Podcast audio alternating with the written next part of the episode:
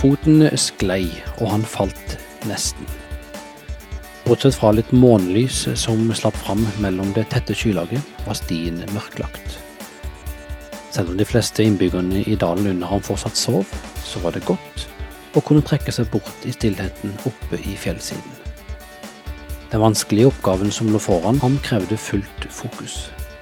Morgendagen kom til å bli ekstremt viktig, og han måtte forberede seg gjennom natta.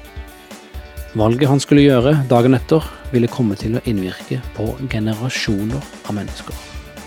Et slikt prestasjonspress ville blitt for mye for de aller fleste menn.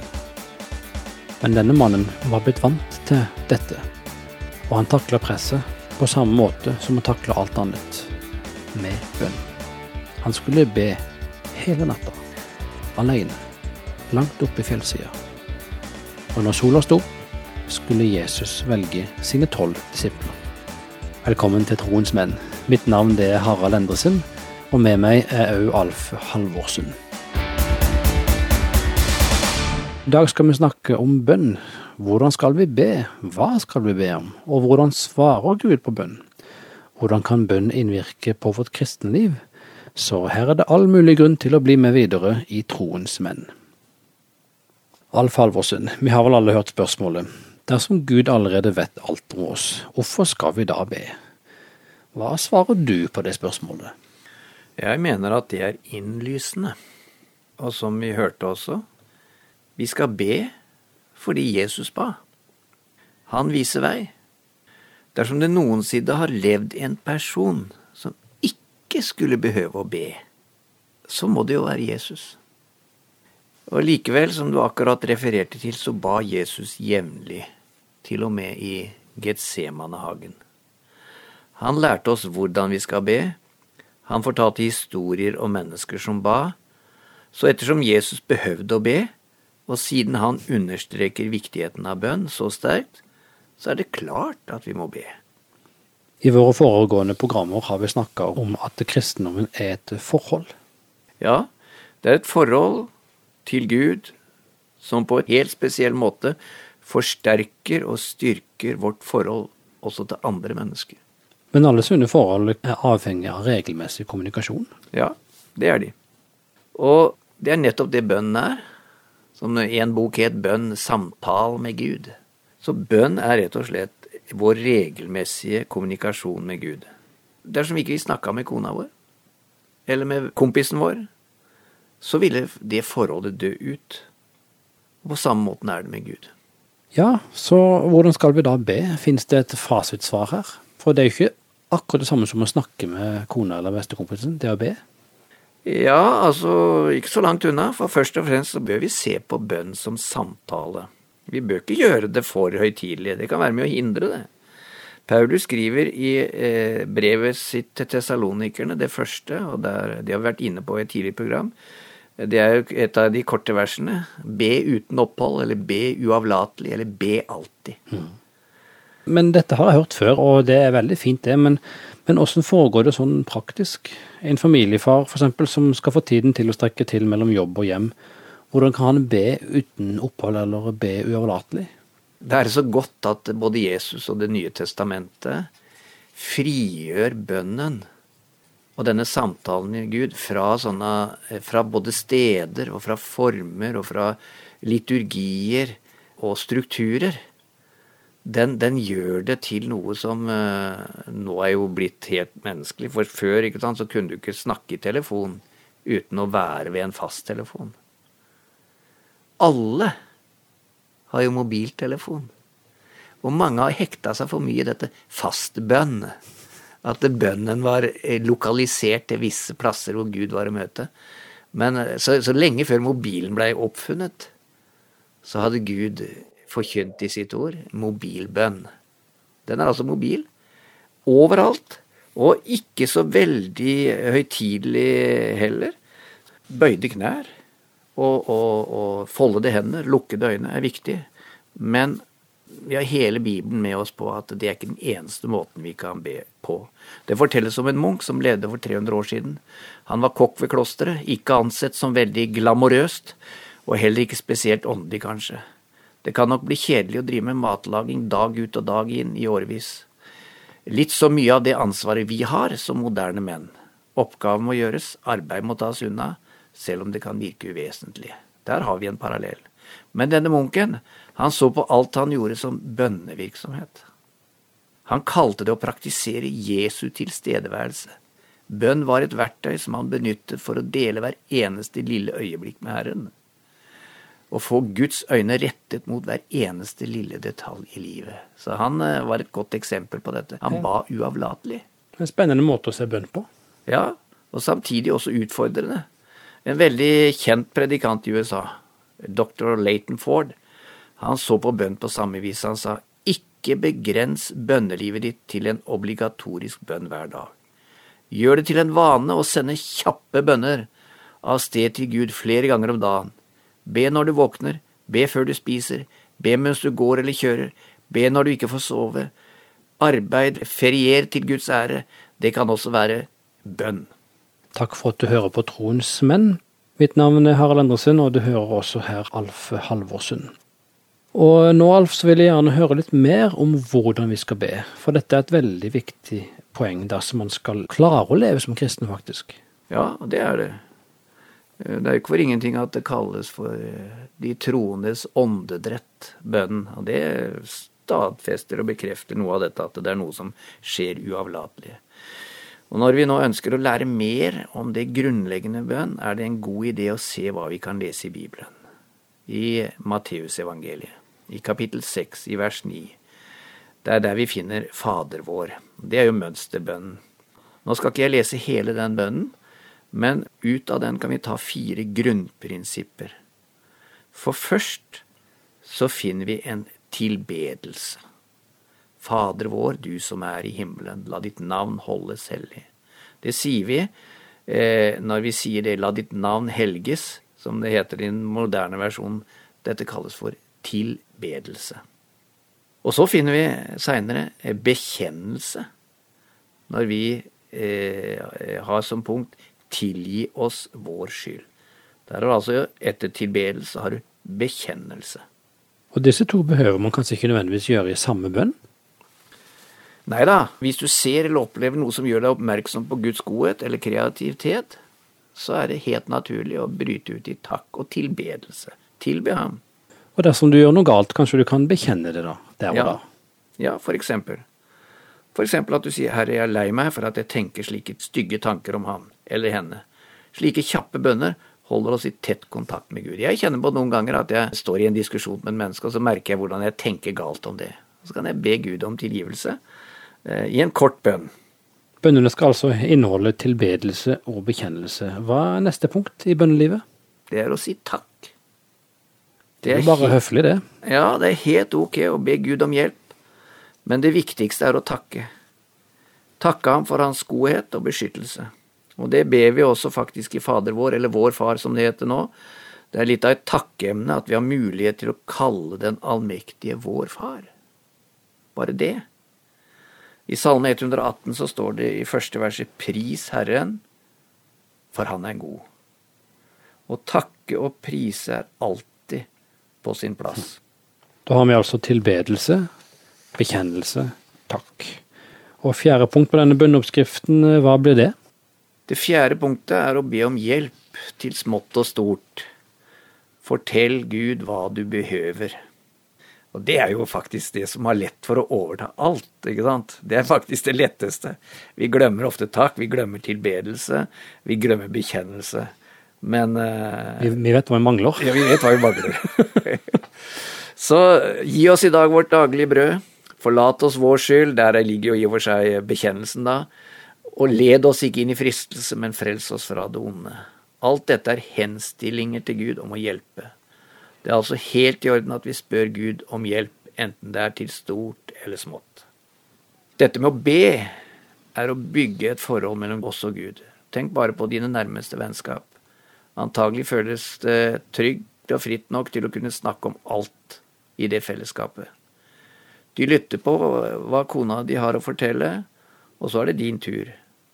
Og sånn fungerer også bønn. Det er kanskje noen som synes det er skummelt å tilnærme seg Gud som en venn når en ber, men Er det altså dette her eh, Gud, det Gud ønsker, tror du? Ja, det er jo det som er det unike. At uh, etter Jesu forsoning så som gjør det mulig. Forhenget revna. Alle hadde tilgang til det aller helligste. Og vi kommer først og fremst til Han i, i bønn. Og, og, det var jo derfor disiplene også ba Jesus om å lære dem å be. Og måten Jesus ba på, var liksom bare å snakke med Gud. Abba, far, står han, han sier i Getsemane. Eh, altså Han snakka rett og slett til sin pappa. Bare det uttrykket der, at ikke det står far, men det står faktisk Abba. Det står pappa, og det er brukt i Jesu munn. Og Paulus bruker det også at vi har fått den samme ånden. Vi har ikke fått trelldommens, altså slavens ånd. Det er ikke det forholdet vi har til Gud.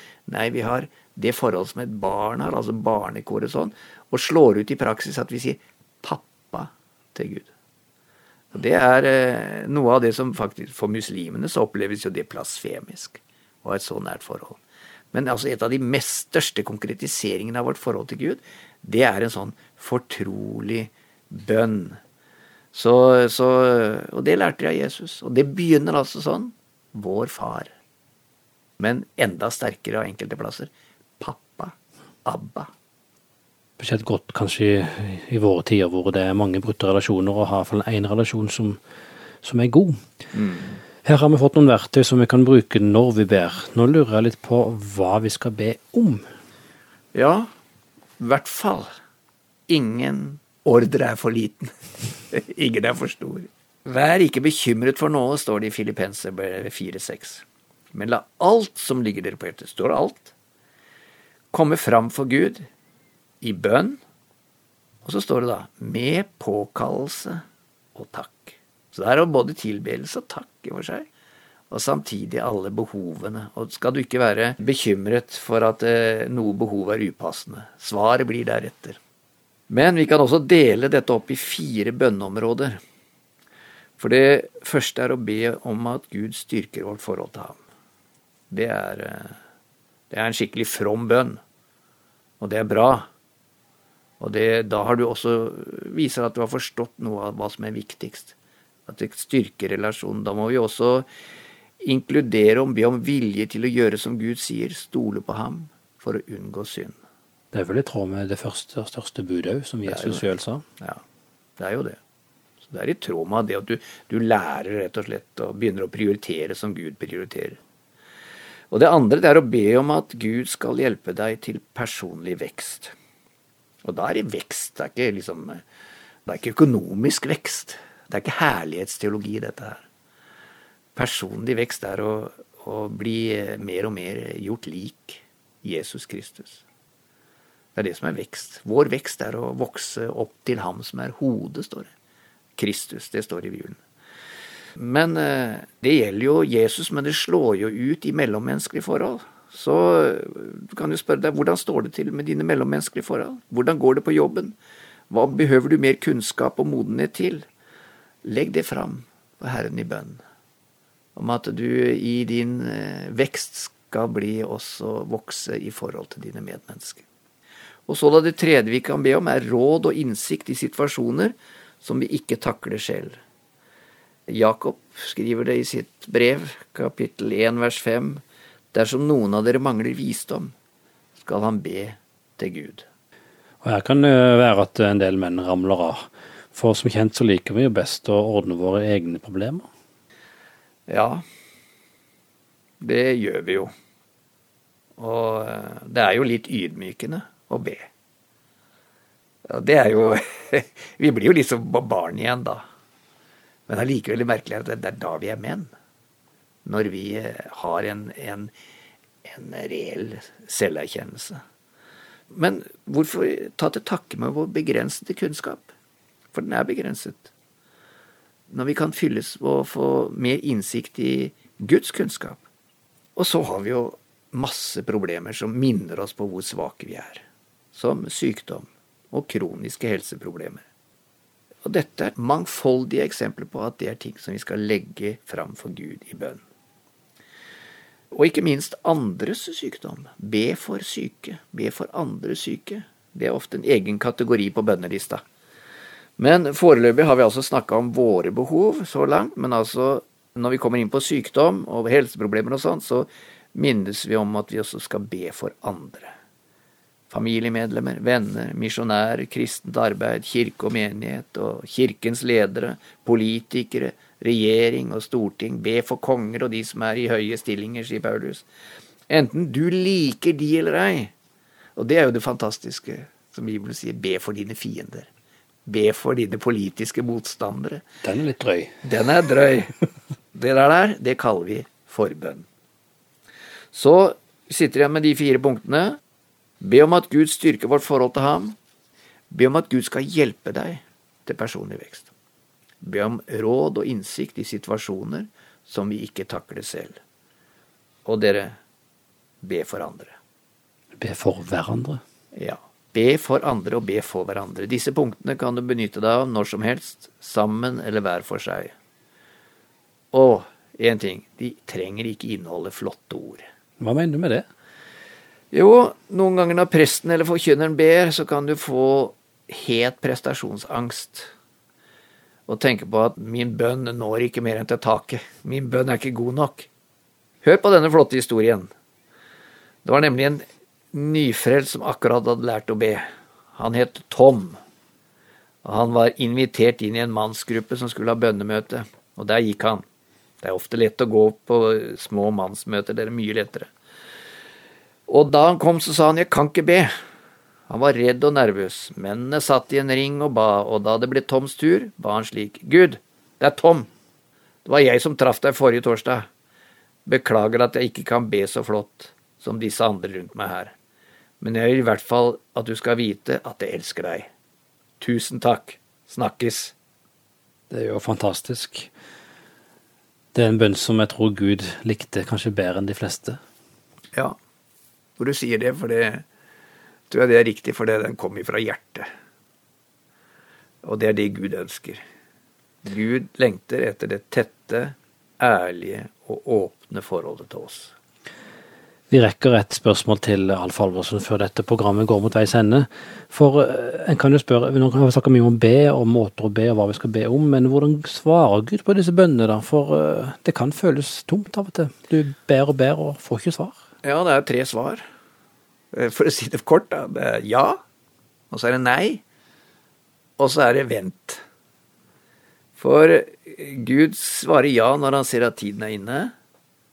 Han sier nei når noe ikke er til vårt eget beste på lengre sikt, eller når noe ikke er en del av hans plan for våre liv. Det kan være skadelig for oss, det kan være dumt. Ærlig talt, Harald Endresen, jeg har ikke tall på hvor mange ganger jeg selv har bedt Å Gud, vær så snill og gjør det og det. Det må bli sånn. Eksempel når jeg var gutt. Jeg husker godt. Jeg husker til og med stedet jeg ba det. Jeg ba det litt fritt opp i en bakke på vei til eller, fra skolen eller noe, men jeg ba om tre ting.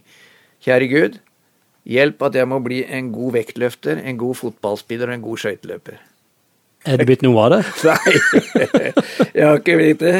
Jeg håper, jeg, jeg har blitt misjonær, og jeg håper kanskje jeg har blitt en sånn rimelig god misjonær. Grei misjonær, i hvert fall. Men det blei ikke det. Og det angrer jeg ikke på nå, at det ikke gikk sånn. Så eh, når jeg ser tilbake, så er jeg glad at Gud ikke svarte ja på den bønnen. Han visste hva som var best for deg? Ja. Så et nei, det er ikke nødvendigvis negativt. Men et vent kan komme av et utall ulike årsaker. Kanskje er vi ikke klare for det vi ber. Kanskje noen andre ikke er klare. Kanskje Gud må styrke og bygge deg sterkere først. Eller påpeke en synd i livet ditt. Det kan være vanskelig å få vent som bønnesvar. Men vi må klare å stole på at Gud alltid vet hva som er best. Takk skal du ha, Alf Halvorsen. Kan du repetere litt kort det vi har lært om bønn i dag? Først det vi snakket om, er at Jesus ba. Og dersom han behøvde å be, da er det ikke tvil om at vi også behøver å be. Så er det viktig å be uten opphold, dvs. Si at dette er en kontinuerlig ting. Det, det er ikke noen spesielle forberedelser eller noe sånt noe. Og så har vi tittet på noen grunnleggende deler av bønnelivet. At det er tilbedelse, at det er bekjennelse, at det er takk, og at det er forespørsler om hjelp. Og så, når det gjelder det siste, så har vi sett at det er fire områder som vi kan be for, og det er eh, be om at Gud styrker vårt forhold til ham, om at han hjelper oss til personlig vekst, be om råd og innsikt, eh, visdom altså, i situasjoner som vi ikke takler selv, og det å be for andre. Og dette kan gjøres på samme tid, eller hver for seg. Nøkkelen her er akkurat som Tom, altså. Å være seg sjøl. Du behøver ikke å bruke flotte ord. Be fra hjertet. Ja, her er kanskje et barn et eksempel, eller det aller beste kanskje å be som et barn? Ja, de er nok de som er flinkest til å si det de tenker. Tenker på alle disse fra barnemunn som brenner seg fast i oss. De ber enkelt og fra hjertet, og det er egentlig idealet barna er flinke til å si det rett ut, ja. Og det kan godt tenkes at eh, vi har mye å lære av barna når det gjelder bønn. Jesus sa jo sjøl den som gjør seg selv liten som dette barnet, han er den største i himmelriket. Takk for at du hører på Troens menn, hvor menn utrustes og styrkes til å møte sitt gudgitte potensial. Dagens tema var bønn. Programmet er basert på kapittel seks i boka De fire prioriteringer av John Tolson og Keri Crider. Denne ble utgitt i 2007, og vi har fått lov til å lage radio av denne. Troens menn er den norske utgaven av TVR, mannsarbeidet Champions Arise, og er produsert i Norge av Norea Mediemisjon. Du kan lese mer om dette arbeidet på troensmenn.no. Mitt navn det er Harald Endersen, og med meg her var Alf Halvorsen. Takk for at du hører på Troens menn. Må Gud forme deg til den mannen han vet du kan bli.